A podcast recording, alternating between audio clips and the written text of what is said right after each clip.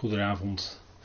Het is goed om met elkaar ook op dit moment bezig te zijn met Gods Woord.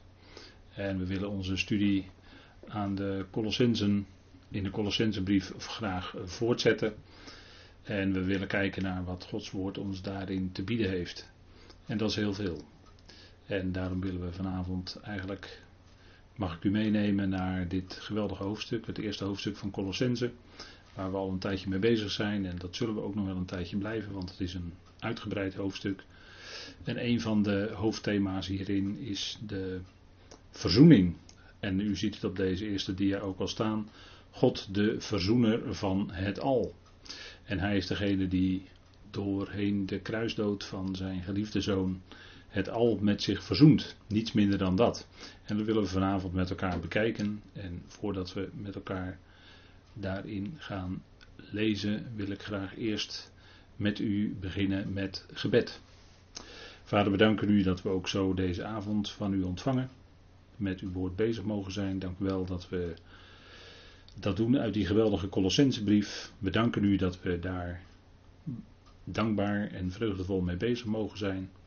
En ook doorheen dit geweldige hoofdstuk mogen groeien, zoals Paulus dat ook bidt in dit eerste hoofdstuk, groeien in de erkenning van God.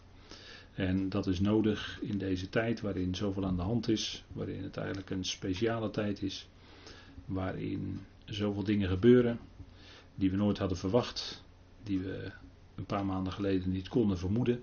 Maar dank u wel dat u dezelfde blijft. Omstandigheden voor ons veranderen, maar u blijft dezelfde en uw woord verandert niet, Vader. Dat blijft hetzelfde. Het blijft geweldig getuigen van wie u bent. U bent liefde en u heeft allen op het oog. Bedanken u dat we daaruit vanavond mogen lezen uit die Colossensebrief. En daar met elkaar over mogen nadenken en ons ook met elkaar mogen verblijden over datgene wat u zegt. We danken u voor de goedheid en trouw dat u ook ons deze, dit moment wilt leiden door uw geest. Geef wijsheid in de woorden die we mogen spreken. En mogen degenen die dit later beluisteren en eventueel bekijken, daardoor opgebouwd worden en bemoedigd worden in hun geloof. En dat het weer nieuwe kracht geeft voor de komende week, de komende dag of wat ook. Vader, we danken u dat u nabij bent. Wij danken u voor uw goedheid en trouw. In die machtige naam van uw geliefde Zoon, onze Heer Christus Jezus. Amen. Goed, we willen kijken met elkaar naar de versen 13 tot en met 20. En dat wil ik graag eerst met u lezen en dat doe ik vanuit de concordante vertaling. En dat is eigenlijk een, zoals een uitlegger het noemde, een hymne, een lofzang van de apostel. En daar willen we graag bij aansluiten en dat nalezen. En er staat, die ons bergt, de Vader is dat, uit het volmachtsgebied van de duisternis en ons overzet in het koninkrijk van de Zoon van zijn liefde. In wie wij de vrijkoping hebben, de vergeving van de zonden. Hij is het beeld van de onzichtbare God, de eerstgeborene van heel de schepping. Want in hem is het al geschapen, wat in de hemelen en wat op de aarde is. Het zichtbare en het onzichtbare, het zij tronen, het zij heerschappijen, het zij soevereiniteiten, het zij volmachten. Het al is door hem en tot hem geschapen en hij is voor alles en het al heeft zijn samenhang in hem. En hij is het hoofd van het lichaam, de uitgeroepen gemeente, die de soeverein is eerstgeborene uit de doden, opdat hij in alles de eerste wordt. Want het hele complement heeft er wel behagen in om in hem te wonen en door hem het al wederzijds met zichzelf te verzoenen, vredemakend door het bloed van zijn kruis. Door hem, het zij wat op de aarde, het zij wat in de hemelen is. Nou, tot zover deze geweldige woorden die we uit, dit, uit deze concordante tekst met elkaar mogen lezen. En ik ik denk dat het goed is om met elkaar te gaan kijken naar het vervolg. De vorige keren hebben we al stilgestaan bij aspecten van wie hij is. En Christus is hier in Colossense 1, wordt hij hier aangegeven als de zoon van zijn liefde. En dat is een hele bijzondere uitdrukking die we elders in de schrift eigenlijk niet tegenkomen. Wordt wel gesproken over zijn geliefde zoon en op diverse momenten dat er een stem uit de hemel komt bij zijn doop, bij de verheerlijking op de berg. Dat er gezegd wordt, deze is mijn zoon de geliefde, in hem heb ik mijn welbehagen. En het welbehagen van God is in zijn zoon. En dat is een geweldig punt. Een punt dat we niet mogen vergeten. Hij is de geliefde zoon van God. En wat een geweldig werk heeft hij tot stand gebracht. En wat lezen wij vanavond in Colossense 1? Dat is niets minder dan het, thema God is de verzoener van het al. En dat is een geweldig thema. Hè? We, we kijken met elkaar en we zien eigenlijk dat hij, dat al wat Paulus hier zegt in deze versen, dat is heel veel, dat het all inclusive is. op vakanties dan uh, kun je boeken voor een all-inclusive reis. dan is alles inbegrepen, de reis, dan is uh, de hotel of het resort is inbegrepen, het eten, drinken, alles, uh, de overnachtingen, noem maar op. Het zit er allemaal bij in, all inclusive. Nou, dat is wat eigenlijk in Colossense 1 naar voren komt. Dat is all inclusive. En we zien acht punten in deze paar versen die steeds aanduiden dat het alomvattend is, dat het om alles gaat. En het eerste punt, en er wordt steeds het, een bepaald Grieks woord gebruikt, pan of pas, en in diverse vormen. En dat komen wij maar liefst acht keer tegen in enkele versen. Dus dat wil zeggen dat het echt alomvattend is. En hier gaat het om. Het eerste punt dat hebben we met elkaar gezien. Hij is de eerstgeborene van heel de schepping. Dus hij was de eerste, hij is de eerstgeborene, dat is natuurlijk beeldspraak, van heel de schepping. Hij is de eerste die door God voortgebracht of geschapen werd. En als u in de concordante vertaling kijkt in het Nederlands, dan ziet u voor het woord heel, ziet u uh, aan de linkerkant met kleine lettertjes AL. Dat wil zeggen dat het gaat om het Griekse woord voor al of alles. En zo kunt u onderscheiden dat het echt gaat om al de schepping of heel de schepping. Een tweede punt is dat in hem het al geschapen is. Het is niet alleen zo dat hij de eerstgeboren is van heel de schepping of van al de schepping, maar in hem is ook, in hem, in de zoon van Gods liefde dus, is het al geschapen.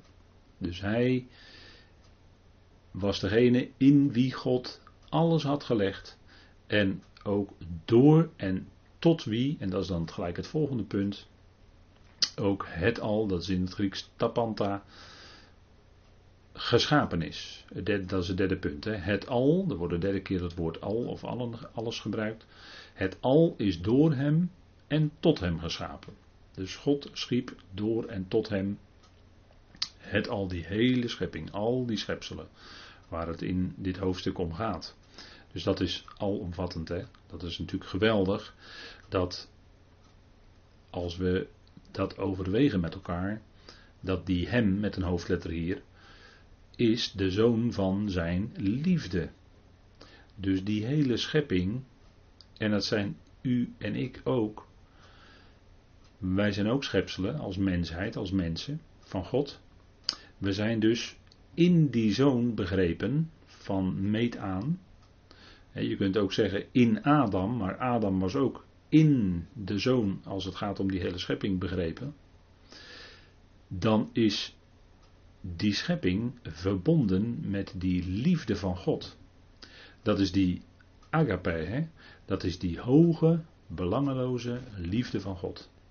En liefde van God was, het, was de bron, is de grondslag, is al wat God doet. Het is allemaal voortkomend uit zijn liefde. Het is daarmee doordrenkt, zou je kunnen zeggen. Zoals, zoals je een spons kan doordrenken met water, zo is dat hele plan van God in al zijn facetten doordrenkt van zijn liefde. En als je dat overweegt, ja, dan kom je uit bij Romeinen 8. Niets kan ons scheiden van zijn liefde. En dat is natuurlijk geweldig bemoedigend, juist ook in deze tijd waarin we leven. Dat wat ook gebeurt in de maatschappij en wat, uh, wat, wat ons ook nog overkomt in de toekomst, de nabije toekomst. We weten dat niets ons kan scheiden van zijn liefde. Wat is dat geweldig, hè? Wat is dat geweldig? We kunnen niet buiten zijn liefde raken. God heeft een, hè, het is ook wel eens anders gezegd, dat weet u wel. God heeft een kring getrokken. En iedereen past binnen die kring van zijn liefde. Binnen die cirkel van zijn liefde. Daar valt niemand buiten. U niet, ik niet, niemand. Nee, nee, ook u niet die dit nu hoort of ziet. Nee, u valt er ook niet buiten. Ja, maar u zegt misschien wel, ja, maar ik heb wel eens, uh, wel eens in mijn leven dingen gedaan die. Nee, stop maar, stop maar. Het, dat kan niet op tegen zijn liefde. Want we praten vanavond over de ultieme uiting van Gods liefde. En dat heeft alles met dat kruis te maken. 2000 jaar geleden wat daar heeft gestaan op Golgotha. Dat is een enorme uiting geweest van Gods liefde door daar zijn zoon, die zoon van zijn liefde dus, te geven, hem door de dood heen te laten gaan. En natuurlijk, vader wekte hem op op de derde dag. Zeker, zeker, dat is geweldig. Maar de, de, de zoon ging door de dood heen. En dat moest hij gaan, opdat hij uiteindelijk allen van de dood zou redden.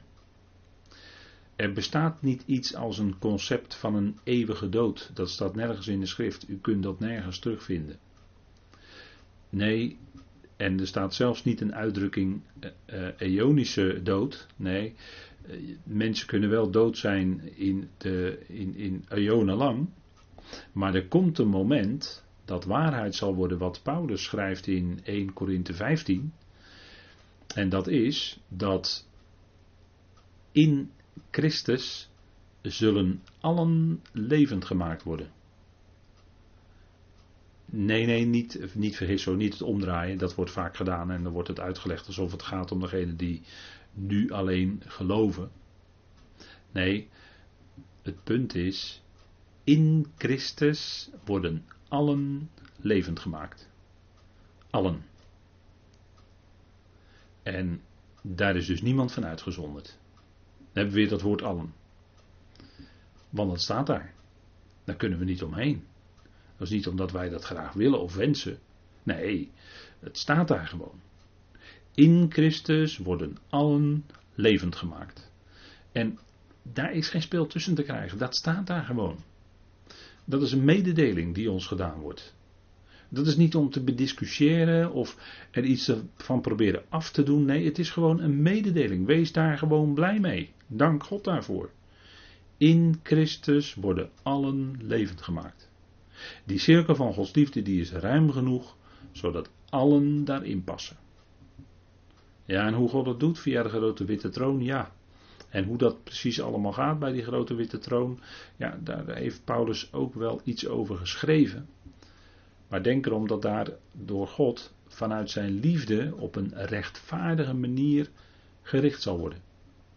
Door de zoon, want de zoon is de richter. God heeft al het gericht aan de zoon gegeven, zegt Johannes 5. En uiteindelijk komt er toch een einde aan die tweede dood hoor. Er komt een einde aan die tweede dood, want 1 Korinthe 15 zegt ook dat, en dat is een paar versen verder dan vers 22, daar staat dat die laatste vijand, die laatste vijand, dat is niet de tegenstander. Nee, dat is de dood. En dat kan niet anders als je de dingen op een rij zet. Dat moet de tweede dood zijn. Daarnaast hebben we natuurlijk nog de uitspraak. En dan, dan wordt het voor ons helemaal een reden om God te danken.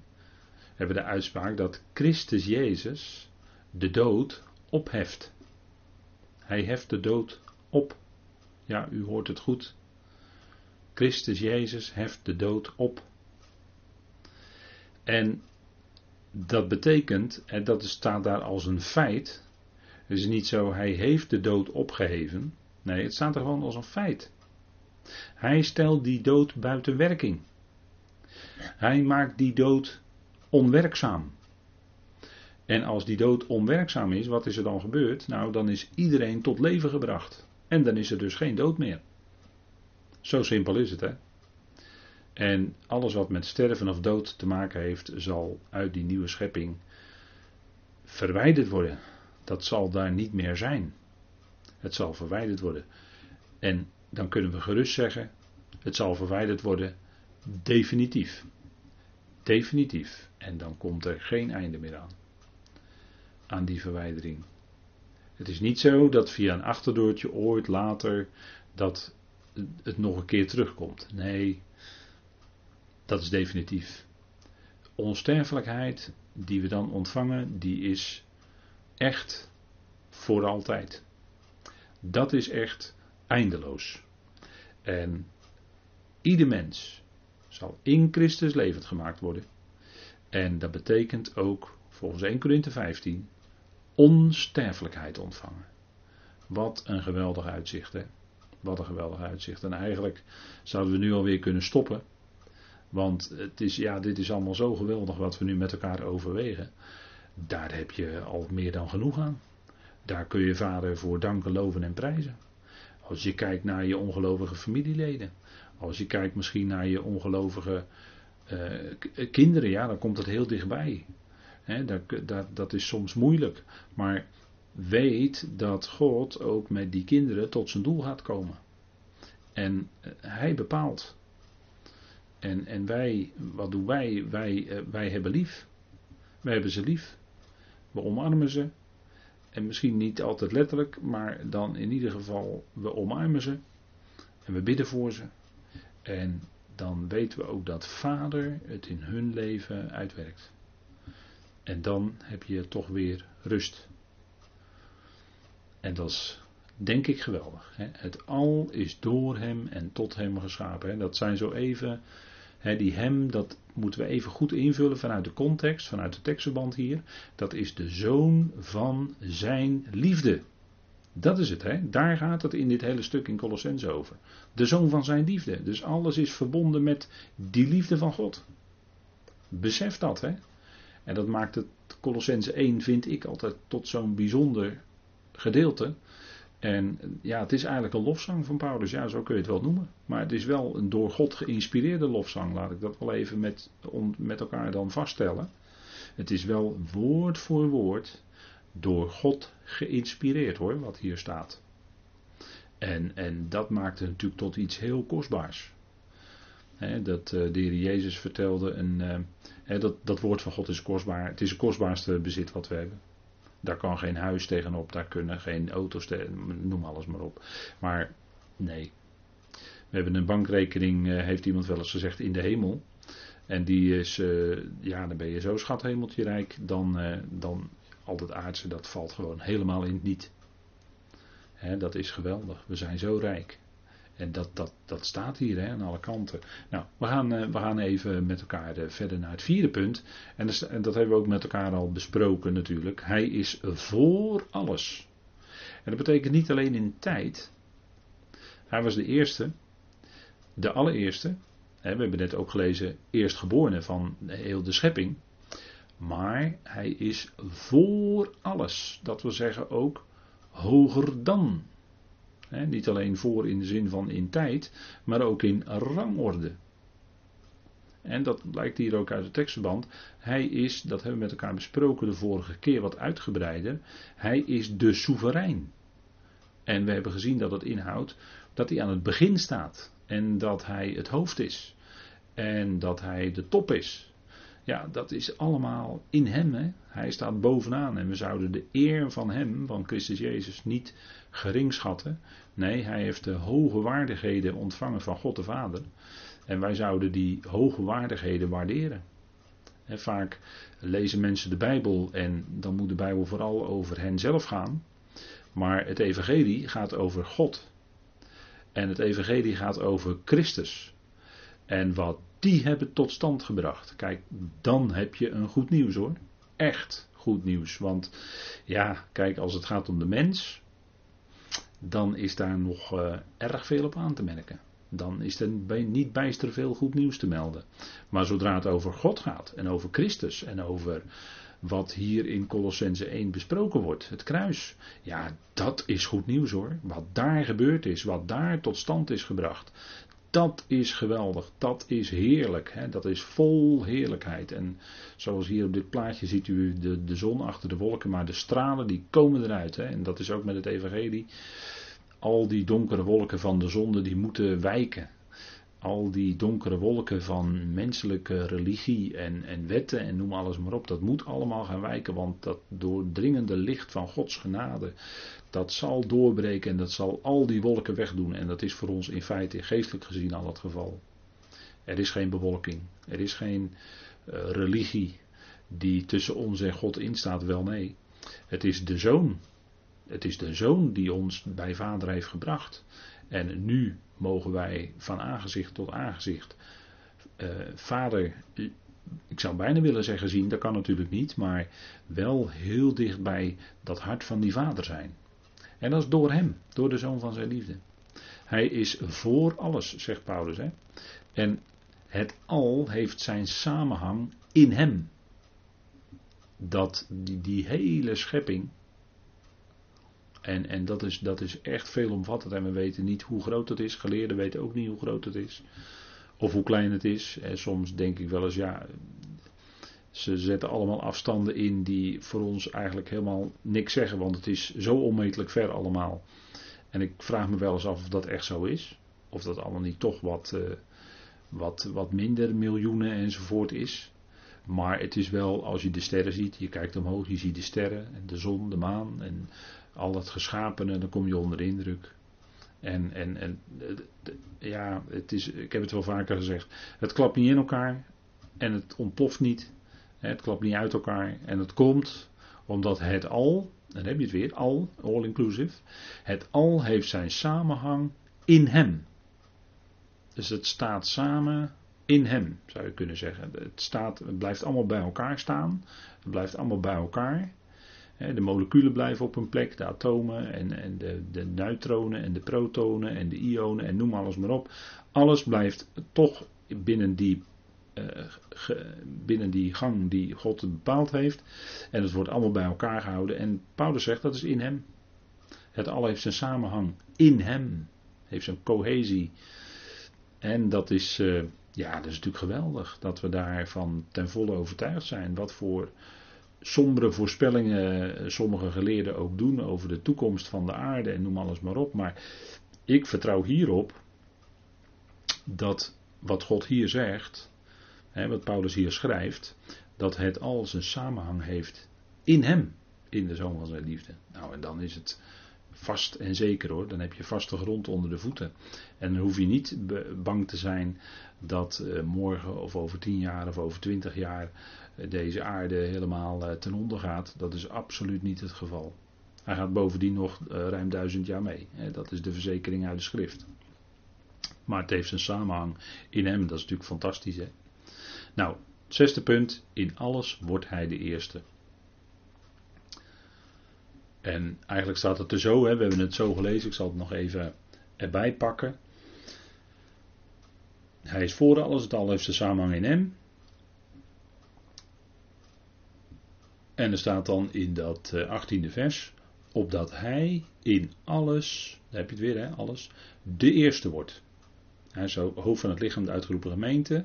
Hij is de soeverein, dus degene die bovenaan staat. Hij is de eerstgeborene uit de doden. Dus natuurlijk ook, dat eerstgeborene is ook weer beeldspraak natuurlijk. Hè. Vader wekte hem op uit de dood. Opdat hij in alles de eerste wordt. En dat is hij ook. Hij is in alles de eerste. Hij staat bovenaan in alles, in, in Gods plannen, in hoe God zijn plan laat uitvoeren, hoe God zijn plan uitwerkt. Hij wordt in alles de eerste. En eh, dat is natuurlijk een eh, mooi motto ook voor je persoonlijke leven. Dat, en dat hebben we de vorige keer ook met elkaar overwogen, dat Hij, Christus Jezus, dat Hij, de Zoon van zijn liefde, in alles in ons leven de eerste is. Dat Hij bovenaan staat in ons leven dat, dat is natuurlijk, uh, dat kun je tot je levensmotto maken. dat hij boven en vooraan staat in alle dingen. Dat hij de belangrijkste is. Dat hij uh, de ruimte heeft in ons leven. Nou, noem maar op, hè. In alles de eerste. En daarvoor kunnen we hem danken. Dat blijkt ook uit deze foto. We kunnen hem danken. En dat hoeft nog niet eens letterlijk op onze knieën. Dat is nog niet eens, want er is in onze bedeling, in, ons, in deze periode van genade, is ook geen enkel voorschrift gegeven over hoe wij bidden. Of we dat nou per se op onze knieën moeten doen, of liggend op de grond, of wat dan ook. ook we kunnen altijd met hem in contact zijn. Ook al rijden we in de auto, ook al zitten we op de fiets, ook al maken we een wandeling. We kunnen met hem spreken. En in alles, dat hij in alles de eerste is. Ja, dat, uh, dat is geweldig bij Paulus, uh, in Paulus' leven. Paulus is een voorbeeld. Was het zeker het geval. Het hele complement, daar hebben we weer, het hele. En als u in uw concordante vertaling kijkt, dan ziet u voor dat woordje hele weer linksboven die kleine lettertjes AL staan. Dan betekent dat daar het woord pas of pan in het Grieks staat. Hè? Dus het is weer alomvattend. Het hele complement. En vorige keer heb, u ook, heb ik u ook gezegd dat het woord complement hier, dat is eigenlijk een personifiëring. Het complement van God. Dus alles wat God compleet maakt, om het zo maar te zeggen. Dat is misschien wel vreemd als ik dat zo tegen u zeg, maar God wil zich, God is onzichtbaar. In vers 15 staat ook Hij, Christus Jezus, is het beeld van de onzichtbare God. En al wat God nodig heeft om zichtbaar te zijn, om zich duidelijk te maken naar de schepping toe, dat is in en door de zoon van zijn liefde. Dus in die zin is Hij Gods complement.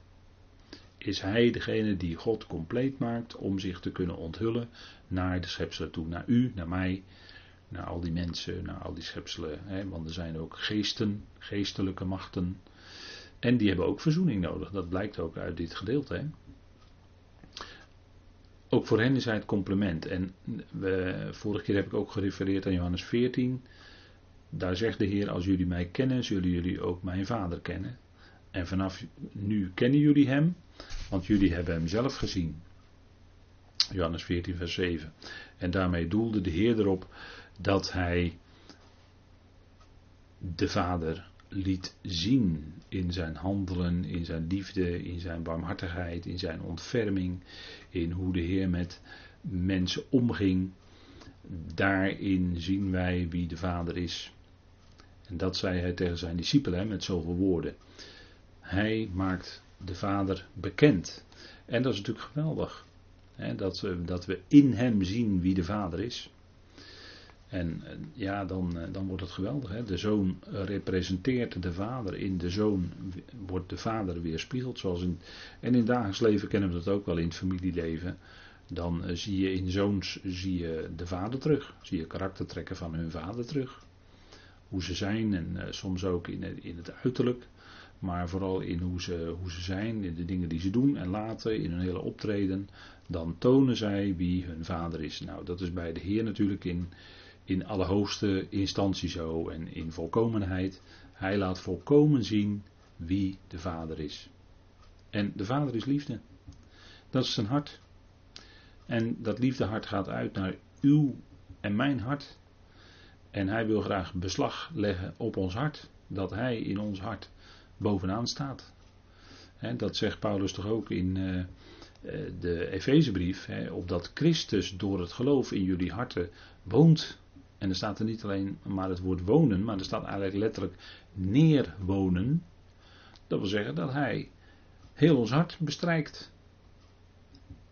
En dus ook heel ons leven. Dat hij in alles de eerste is. Nou, als jullie mij kennen, kennen jullie de Vader. Hè? En dan, dan als laatste punt, als achtste punt, en dan zijn we rond. Dan staat er ook, hij verzoent het al. Hij verzoent het al. Door het bloed van het kruis. En hier ziet u op deze foto in Frankrijk de bekende vijf kruisen. Dat hebben we al wel eens met elkaar overwogen, hè, dat er twee rovers en twee misdadigers met hem gekruisigd werden. En dat zijn u en ik. In die rovers en misdadigers wordt zichtbaar wie de mensheid is. En zegt u nou, dat is nogal een somber mensbeeld. Ja, maar dat is natuurlijk wel de werkelijkheid. Gods woord zegt het. En als je om je heen kijkt, dan constateer je, ja, het klopt. Het klopt wat Gods woord zegt. Er is, uh, Romeinen 3, er is niemand die goed doet. Ook niet tot één toe. Er is niemand die rechtvaardig is. Allen zijn ze afgeweken, samen zijn ze onnuttig geworden en noem maar op. Hè, hun keel is geopend uh, enzovoort. Die woorden die uit de mond komen. En ja, ja, inderdaad. En al die, al die rovers en misdadigers, die hebben verzoening nodig. En dat doet vader. Hij verzoent het al door het bloed van het kruis. Christus, ehm, kun je zeggen, treedt op als verzoener namens de vader. Maar uiteindelijk is het de vader die het al door hem met zich verzoent. Nou, dat zullen we nog zien. dat het er zo staat. Maar dit is ook weer all inclusive. Hè? Hij verzoent het al door het bloed van het kruis. door het bloed van zijn kruis staat er letterlijk. Nou, dat is het diepe lijden wat hij doormaakte. En die verzoening is totaal. Dat we zeggen, het al. Tapanta. Nou, dat is fantastisch, hè? Ik heb het op deze dia nog even allemaal voor u op een rijtje gezet. Hij is de soeverein. Zijn waardigheid is gebaseerd op het alomvattende. En dan komen die acht punten die we net met elkaar gezien hebben. En ik heb er nogmaals dat, uh, dat uh, merk, waarmerk erbij gezet. Het is all inclusive. daar valt niets buiten. En dat is natuurlijk geweldig, daar kunnen we geweldig dankbaar voor zijn. als we deze dingen met elkaar overwegen, dan uh, komen we denk ik diep onder de indruk van de, het totaal alomvattende van wie hij is en wat hij gedaan heeft. Dat het uh, ja, eigenlijk alles meeneemt. Dat God in hem niet alleen alles geschapen heeft, maar dat hij ook door hem alles met zich verzoent. Het al. Niet alle dingen. Nee, met het al wordt bedoeld al die schepselen die met hem in relatie staan die, en die van hem vervreemd zijn geworden. En van hem vervreemd waren. Maar hij verzoent ze doorheen de dood van de zoon, doorheen het bloed van zijn kruis. Nou, daar zullen we nog verder bij stilstaan. En er staat in vers 19, en daar zijn we zo'n beetje mee bezig, want het hele complement heeft er welbehagen in om in hem te wonen. En de zoon van zijn liefde is de middelaar, zowel in het scheppen als in het verzoenen. In hem werd het al geschapen. En door hem zelfs ook. Maar uiteindelijk ook tot hem. Dat we zeggen, naar binnen hem is het al geschapen. En in die zin is de zoon ook weer de schakel tussen God en zijn schepselen. In beide opzichten. Niet alleen in het scheppen. Maar ook in het verzoenen. Hè. Zowel het scheppen als het verzoenen worden hier in één adem. In dit hele stukje van Colossense 1 genoemd. En daarin kunnen we zien dat het gaat om vaders liefde. Liefde voor die hele schepping. En niemand anders dan hij kon het doen. En in hem had de vader dan ook zijn welbehagen. Deze is mijn zoon. Dat klonk ook op de berg van de verheerlijking. Hè? Klonk er een stem uit de hemel. Die zei: Deze is mijn zoon, de geliefde. In hem heb ik mijn welbehagen. En dat is, uh, ja, dat is natuurlijk geweldig, hè? dat uh, die zoon, ja, die heeft zo'n diepe en hoge waardering van de vader. Uh, daar, daarin zouden wij natuurlijk uh, de zoon ook zo waarderen en eren en op, ja, inderdaad op een voetstuk zetten. De zoon wel, ja, die wel. Maar die was ootmoedig en is nu verheerlijkt. En hij is ons hoofd. Hij staat bovenaan. Dat is de soeverein, dat we zeggen hij staat bovenaan. En de vorige keer heb ik met u gezegd dat is het woord, uh, dat is de, dat, ja, dat is het woord rosh in het Hebreeuws. En we hebben met elkaar gekeken wat het onder andere betekent. Nou, het betekende hoofd, maar het betekende ook begin. Het begin van een rangorde, van een hiërarchie. En, en de zoon is de schepper. Hè? Er zijn allerlei vage theorieën geweest. Uh, in, in, in die tijd waarin Paulus leefde, deed het ook op geld. Uh, dat, dat werd gefilosofeerd dat God dan een hele reeks wezens zou hebben gemaakt. En dan uh, onderaan die reeks was dan de schepper. Nou, dat is allemaal kwartjes, want hier maakt het gewoon, Paulus maakt de Colossense 1 duidelijk dat de Vader, dat hij in en door de Zoon het al geschapen heeft. En dat, ja, zo, zo liggen die dingen. Dat is heel eenvoudig eigenlijk. Je zou bijna zeggen, een kind kan de was doen. Maar dat is misschien wel te eenvoudig gezegd. Maar niemand anders dan hij kon dat doen. De Vader had in hem dat behagen. En hij is zowel, hij, hij is zowel de, het zwaartepunt in de schepping als het zwaartepunt in de verzoening, om het zo maar te zeggen. Nou, die stem die klonk daar, en je ziet dat op het plaatje ook de berg Tabor in Israël. Dat is waarschijnlijk die berg van de verheerlijking. Nou, moet u maar eens nalezen. U kunt dat uh, lezen in uh, Matthäus 17. En uh, Marcus en Lucas wordt het, meen ik, ook genoemd. En in ieder geval in Lucas, moet u maar eens nalezen. Dat die stem daar klonk. Nou, dat is natuurlijk geweldig. Christus, en we zien hier Christus in, wordt hier drie keer genoemd in zijn relatie tot God. In de lofzang, ja, daar zit muziek in. Ik vind Colossense 1, ja, zeker. Iemand merkt het op, maar ik, daar ben ik het helemaal mee eens. Daar zit muziek in, dat is een lofzang. De, de Christus in relatie tot zijn God en Vader, dat, dat vinden wij terug in Colossense 1. Uh, allereerst als de zoon van zijn liefde. Hij is de zoon van de Vader. Relatie. Dat is de relatie tot, uh, tot zijn God. Dat, dat we zeggen, het is niet alleen zijn God, maar uh, zijn Vader. Hij is de zoon van zijn liefde, vers 13. En twee, de tweede punt, tweede hoofdpunt in dit stukje van zijn relatie met God is dat hij het beeld is van de onzichtbare God. Dat hij de Vader dus zichtbaar maakt. Dat we in hem zien wie de Vader is. Dat hij ja, het uitgedrukte beeld is van God. Hè? God is de onzichtbare God en als zodanig kunnen we hem niet, uh, niet zien, maar we kunnen hem ook niet horen, want God is geest.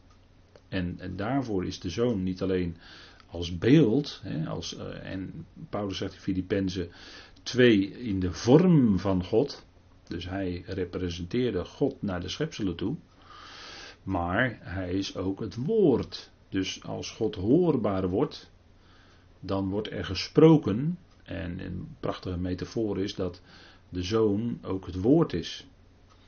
Dat, is uh, ja, dat, is, dat zijn natuurlijk geweldige dingen. Hij is het beeld, hij is het woord van God. En, en ja, dat, dan, uh, dan gaan we door hem heen zien wie God is. En horen wie God is. En hij is ook, en dat is dan het derde punt, degene in wie heel het complement, en daar wordt uh, complement als persoon, behaagt te wonen. Dat is dan het derde punt. Dus we zien hier zo even drie hoofdpunten die enorm belangrijk zijn voor ons om te beseffen en eh, God daarvoor te danken dat het zo is. En dat we dan die zoon hebben mogen leren kennen. Hij is, hij is degene in wie heel het complement behaagt om te wonen. Nou, dat is natuurlijk geweldig, hè? geweldig, ja. Nou, uh, we, we kijken ook even naar het welbehagen van de Vader in de Zoon. En uh, vorige keer heb ik heel even getipt aan Jezaja 42. En ik heb dat hier voor u op deze dia even uitgeschreven. Want dat is toch wel een opmerkelijk woord. En eigenlijk, uh, als dan klinkt in, in, in de Griekse schrift dat, uh, dat er een stem komt uit de hemel, hè, bij zijn doop bijvoorbeeld. Deze is mijn geliefde zoon, in, in hem heb ik mijn welbehagen. Dan klinkt daar doorheen eigenlijk Jezaja 42 vers 1. Want daar staat, zie mijn dienaar, dat is in het Hebreeuws woord obed, die ik ondersteun mijn uitverkorene, aanvaard door mijn ziel. Ik leg mijn geest op hem. En hij zal het recht voortbrengen naar de natie. Hij zal het recht voortbrengen. Nou, dat zal in de komende koninkrijk zo zijn. We weten hoe de dingen zich gaan ontwikkelen. Eerst wordt de gemeente weggerukt met de bazuin. Daarna gaat God met zijn volk Israël zich uh, nog veel meer uh, rechtstreeks bemoeien. Het is nu ook zijn geliefde volk hoor, maar dan uh, zullen ze in grote verdrukking komen.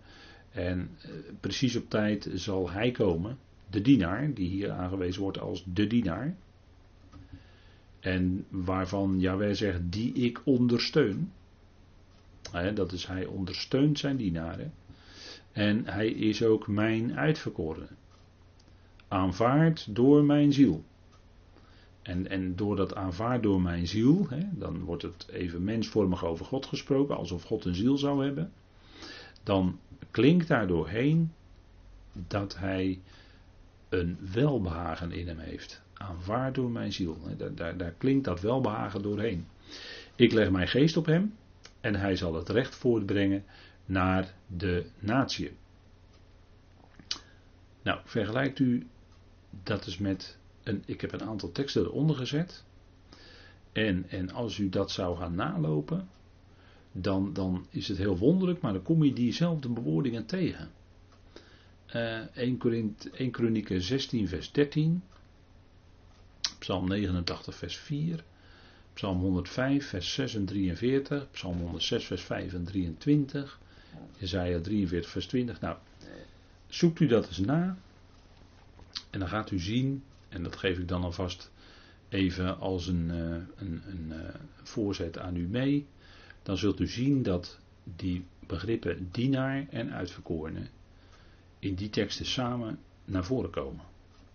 En nu is het zo, dit, dit wordt dan wel eens gezegd van ja, hè, door, door uh, de rabbijnen die zeggen dan, ja, jullie, christenen, zeggen dat dit over de, Jezus de Messias gaat, maar nee hoor, het gaat over ons, het gaat over volk Israël.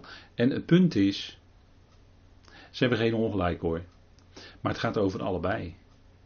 Die dienaar is niet alleen Israël, die uitverkorene is niet alleen Israël, maar dat is ook hij. Dat is Jezus de Messias. Die is ook de dienaar van God, de uitverkorene van God. Hè, staat ook letterlijk in de Griekse schrift, kun je dat terugvinden. In, uh, ik meen in Lucas 23. En aanvaard door mijn ziel. Ik leg mijn geest op hem. En dan wordt het heel specifiek ook richting die Messias, de Messias Jezus gezegd. Hij zal het recht voortbrengen naar de natie. En als u die teksten naloopt, ziet u ook dat van Israël gezegd wordt, specifiek. Van Israël en van, eh, er wordt Jacob en Israël genoemd, maar er worden ook die begrippen dienaar en uitverkorene worden gebruikt. Mijn dienaar, die ik ondersteun. En dat woord ondersteunen, dat is ook wel bijzonder. Als je iets ondersteunt, dan, dan eh, geef je als het ware, dan, dan geef je druk naar boven. Je, je tilt iets op. Dat deden bijvoorbeeld uh, Aaron en Hur. Toen de armen van Mozes, u weet wel, in die, uh, in die strijd, werden de armen van Mozes zwaar. En daarom konden die armen niet meer ten hemel uh, heffen als teken dat hij in gebed was voor die strijd. En toen die armen te zwaar werden, toen gingen Aaron en Hur gingen die armen ondersteunen. En ik vind dat eigenlijk een heel mooi beeld. Want dat zegt ook iets voor u en voor mij. Als wij kracht tekort komen, en wat lopen we daar vaak tegenaan, dat onze kracht tekort schiet. Dat je zo graag meer zou willen doen, maar het ontbreekt je aan kracht. Het ontbreekt je aan tijd om alles graag te doen en zo te willen doen zoals je het eigenlijk in je. Hè, je, je wil vaak zoveel doen. En ja, de uren vliegen zo snel voorbij in een dag. En dan is er weer dit, en dan komt er weer dat tussendoor, en dan weer dat. En zo is leven. En dat, dat is gewoon, zo gaan die dingen gewoon. En dan ervaar je elke keer weer, ja, ik kom tekort. Maar die Heer die we mogen kennen, die komt niet tekort. Hij ondersteunt u. Hij geeft u kracht. En hij geeft kracht per dag. Niet voor over een maand, want we hebben helemaal geen idee. Kijk maar in de wereld om je heen. Had je gedacht dat een paar maanden geleden dat er nu zo uit zou zien? Nee, hè? dat kan je niet bedenken. Nee, nou, nu zitten we in deze situatie en we kunnen niet bedenken hoe het er over een paar maanden uit zal zien. Misschien is het over een paar maanden zwaarder. Dat weet ik niet. Maar dan zal vader, dan zal hij kracht geven en ondersteuning, zoals ook de vader de zoon ondersteunde toen hij hier op aarde rondwandelde. Want hij gaf hem zijn geest, kijk maar, er staat er ook bij. Ik leg mijn geest op hem. En hij zal het recht voortbrengen naar de natie. En niet alleen op hem hoor, want uit de Griekse schrift blijkt natuurlijk overduidelijk dat die goddelijke geest krachtig, zeer krachtig en in volheid in de zoon werkte. Niet alleen op hem, maar ook in hem. Maar op, dat wil zeggen, dat is verbonden met kracht.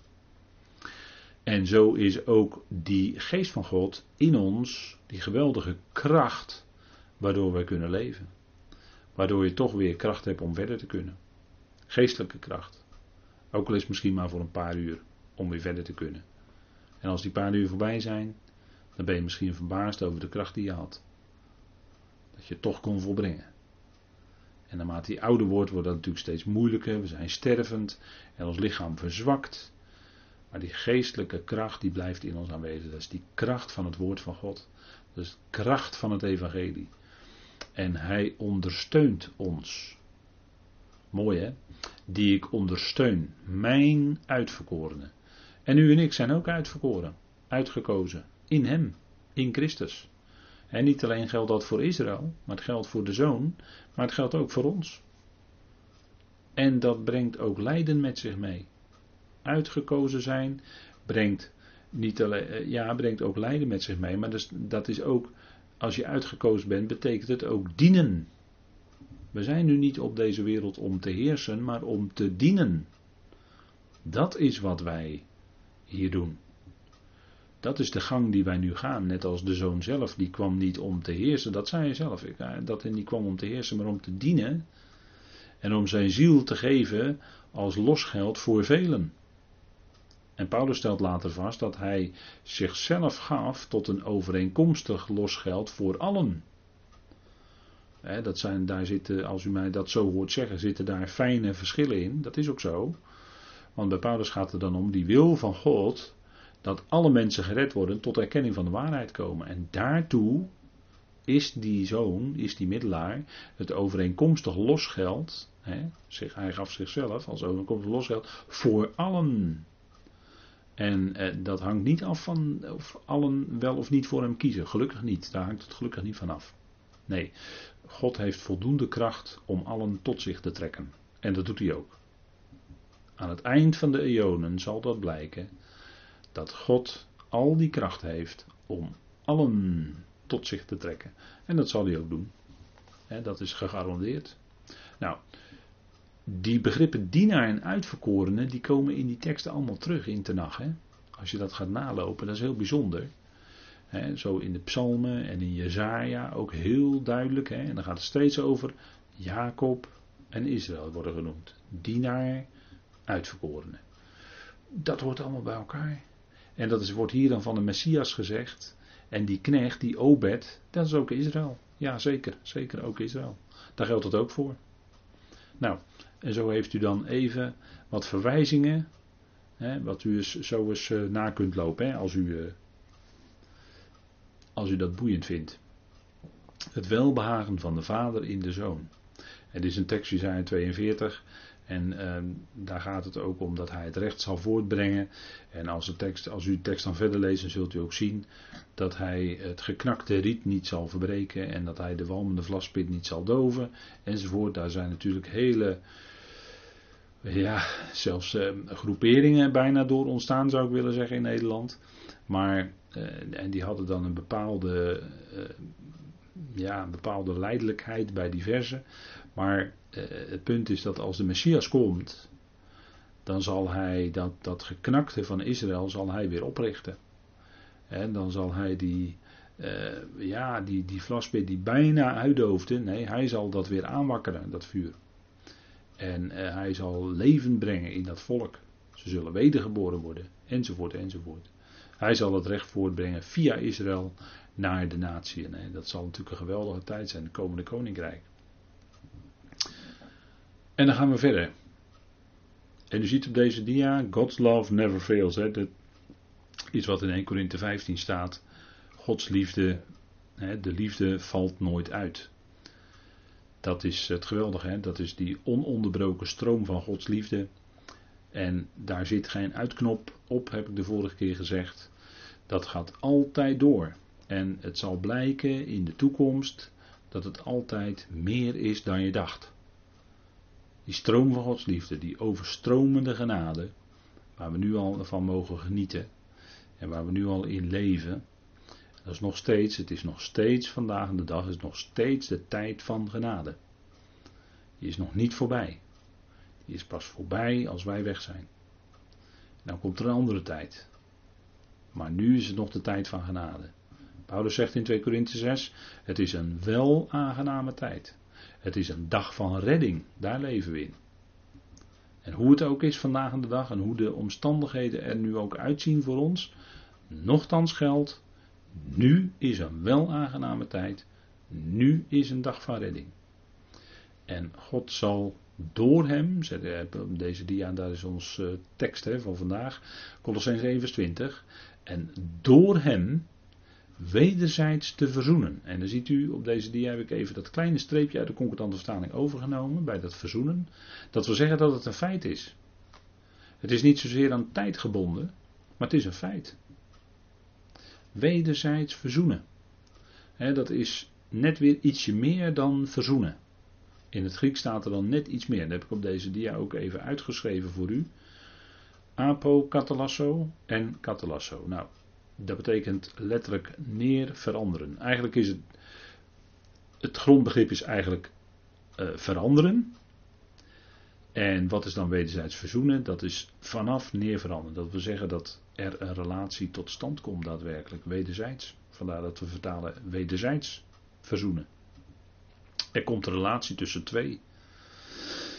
En die vijandschap bij de ene wordt dan veranderd, vandaar het woord veranderen. Die vijandschap wordt veranderd of omgezet in vrede, in vriendschap. En zo was God, dat hebben we de vorige keer ook al overwogen, zo was God in Christus de wereld met zich verzoenend. 2 Korinthe 5, hè? bekende woorden. En dat vinden wij ook in Romeinen 5. Daar staat dat toen wij nog vijanden waren, en toen heb ik er ook op gewezen, dat het dan gaat om wie wij zijn. En dat is doorheen de dood van de zoon verzoend met God. Want de zoon is, hè, bij het begrip zoon gaat het om wie hij is. En bij Christus gaat het om zijn werk. Gaat het om wat hij doet. En bij, in het bloed van Christus zijn we gerechtvaardigd. Maar we zijn, en dat kwam omdat wij nog, toen wij nog zondaren waren. Hè, dus toen die zondige daden, daaruit bleek dat wij zondaren zijn. En of we nou maar één zonde doen in heel ons leven of een heleboel, dat maakt helemaal geen verschil. Aan een appelboom groeien appels. En aan een perenboom peren. En aan een zondaar komen aan de boom van de zondaar komen zonden, komen missers, misdaden. Nou, bij, maar het gaat nog verder, het gaat dieper. Hè? Het is niet alleen zo dat wij zondaren waren, maar vijanden. Vijanden. En vijanden hebben verzoening nodig. Zondaren hebben rechtvaardiging nodig. Maar vijanden hebben verzoening nodig. En verzoening is doorheen de dood van de zoon. En dat is in Colossense 1 zelfs de zoon van zijn liefde. Vijanden, Romeinen 5. En opnieuw Romeinen 11, vers 15. De wereld, hè. Daar zegt Paulus.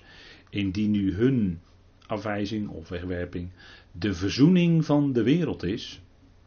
En hun is dan Israël. Maar dat betekende dat zij zijn tijdelijk voor wat betreft een bepaalde functie op een zijspoor gesteld door God. Maar het is altijd zijn volk, het is altijd zijn geliefde volk. En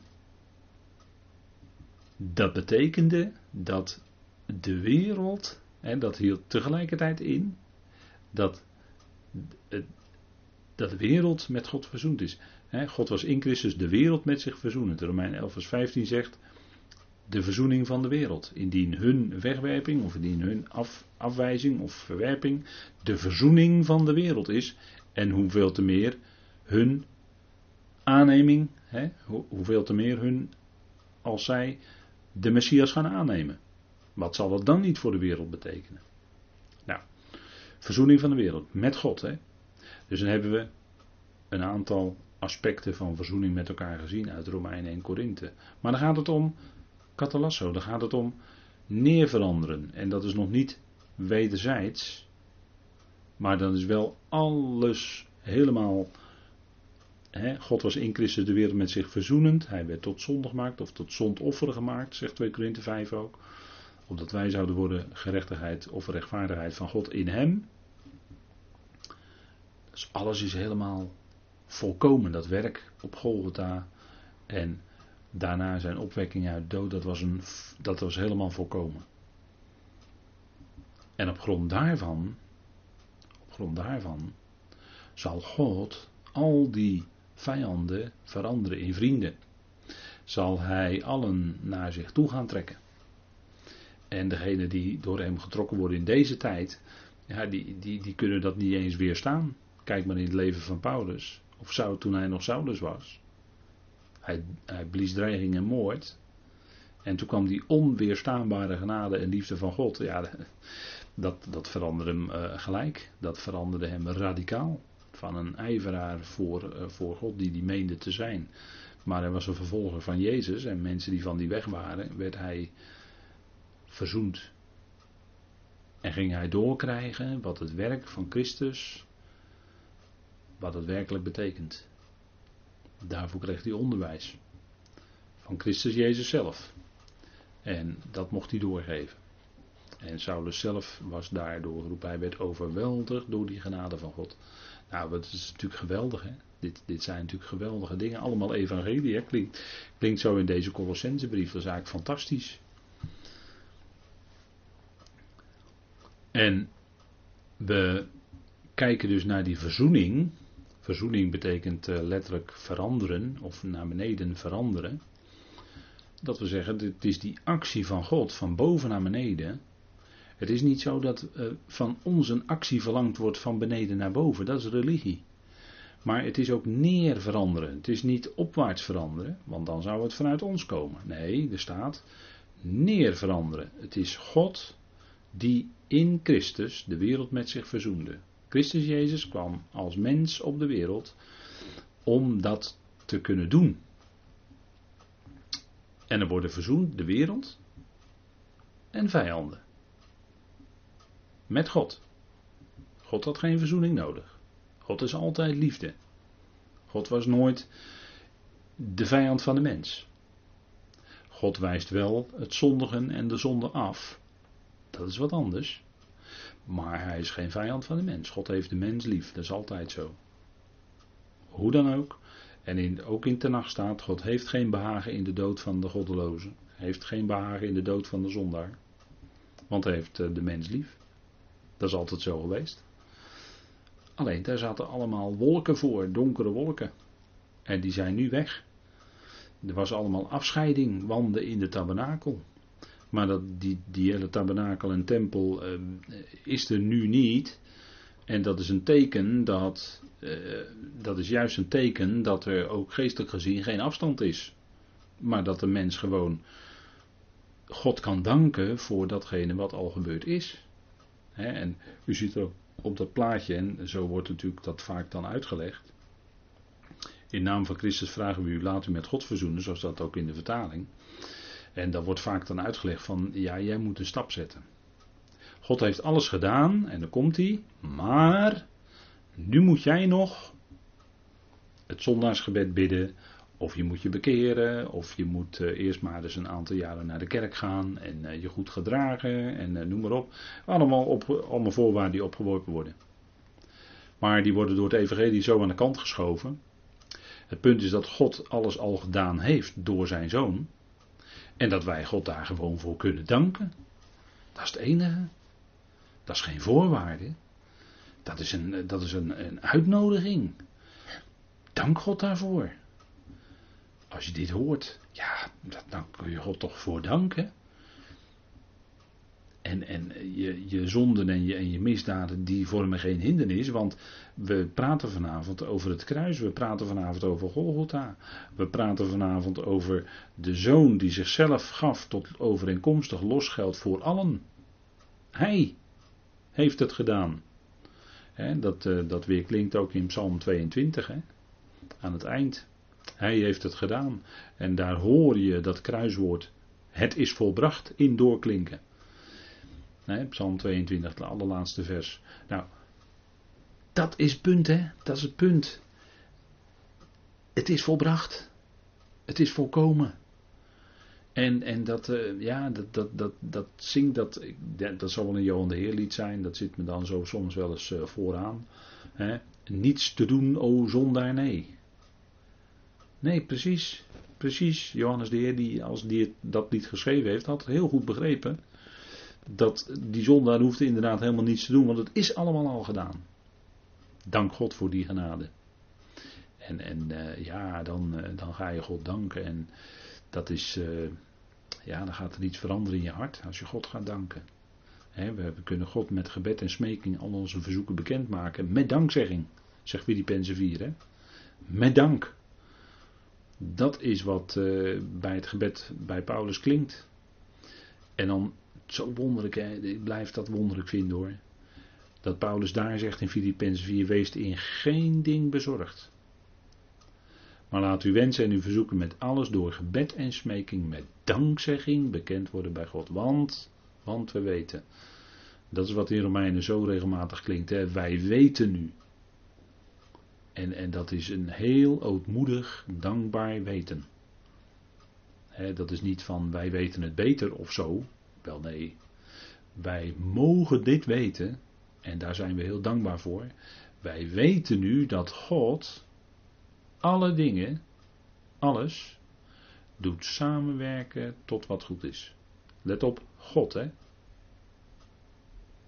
En, en dat alle dingen, ja, daar klinkt in door. Uh, natuurlijk, wij weten, de, ja, natuurlijk, de goede dingen, die zijn al goed. Die zijn al goed. En dus die werken automatisch mee ten goede. Maar nu, dat andere. Die tegenslag. Die ziekte. Dat moeizame in uw leven. Ja, ook dat, ook dat werkt samen, werkt God, doet dat samenwerken tot wat goed is. En daarom kunnen we hem danken. Dat is het geheim van Filippenzen 4. Dat heb ik wel vaker gezegd, maar ik denk dat het goed is om dat uh, toch met enige regelmaat te laten klinken. Dat we dat we even met ons hart beseffen. Hè? Met dank. En ik denk dat het goed is om even met elkaar een, een moment te pauzeren nu. En dan kunt u dat even op u laten inwerken. En dan gaan we straks na de pauze weer met elkaar verder.